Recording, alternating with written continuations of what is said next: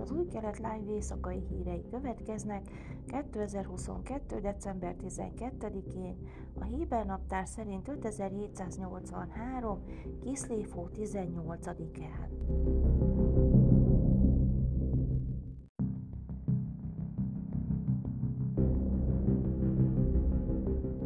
Bíróság vasárnap 15 hónap börtönbüntetésre ítélt egy buszsofőrt egy 2019-es halálos baleset miatt, amely során egy 18 éves újonc életét vesztette az ejtőernyős dandár válogatóján. Ronoved meghalt, további öten pedig megsérültek, amikor egy autóbusz begördült a sátrába 2019. április 11-én. A busz a sátrak feletti lejtőn parkolt, egyértelműen megszegve a katonai protokollt. A gondatlanságból elkövetett emberüléssel vádolt buszsofőrt Ibrahim Abu Kafod vasárnap 15 hónap börtönbüntetésre ítélték, valamint 10 évre elvették a jogosítványát, miután vádalkot kötött az ügyészekkel. Abu Kaf bevallása szerint rövid időre őrizetlenül hagyta buszt, anélkül, hogy a fékrendszert aktiválta volna.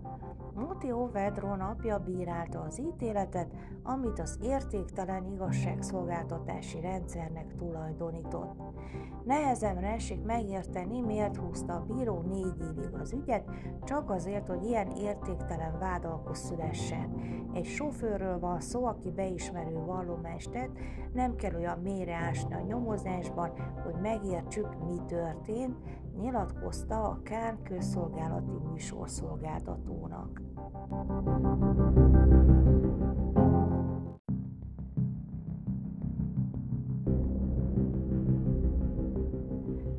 Külföldi munkás került kórházba, miután a Jeruzsálem melletti erdőben talált gombákból levest főztek, közölték az egészségügyi hatóságok.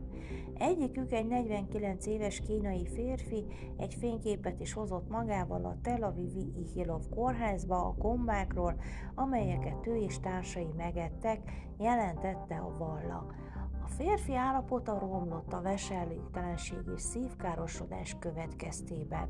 Az intenzív osztály orvosa azt mondta a vallának, hogy a személyzetet meglepte, milyen gyorsan romlott a férfi állapota.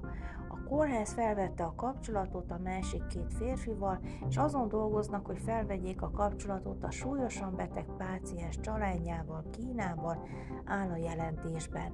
A mérgezésnek nincs ellenszere. Az orvos megjegyezte, hogy az izraeli orvosi csapatoknak kevés tapasztalatuk van a gomba mérgezésről, mivel ritkán fordul elő az országban, és figyelmeztette a lakosságot, hogy ne egyenek olyat, amit nem ismernek.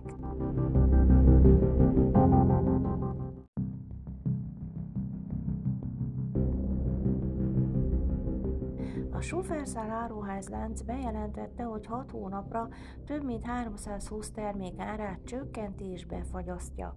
A termékek számos kategóriába sorolhatók, mint élelmiszerek és tejtermékek, üdítők, snackek, valamint tisztítószerek, egészségügyi és piperecikkek.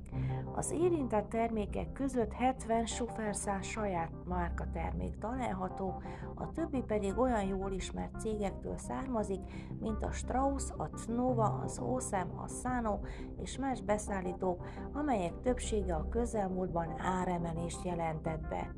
Az áruházlánc legújabb lépése azon kritikák után következett, miután korábbi döntésével ellentétben megemelte a Tnova néhány népszerűbb termékének árát.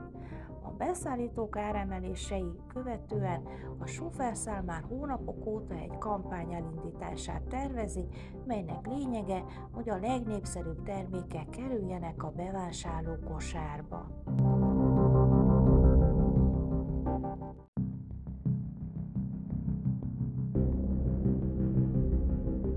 Időjárás. Kedden felhős idő várható, Jeruzsálemben 18, Hajfán 20, Ejlátó 24, míg Ásdodban és Tel Avivban 23 fokra lehet számítani. Ezek voltak az új kelet live hírei hétfőn.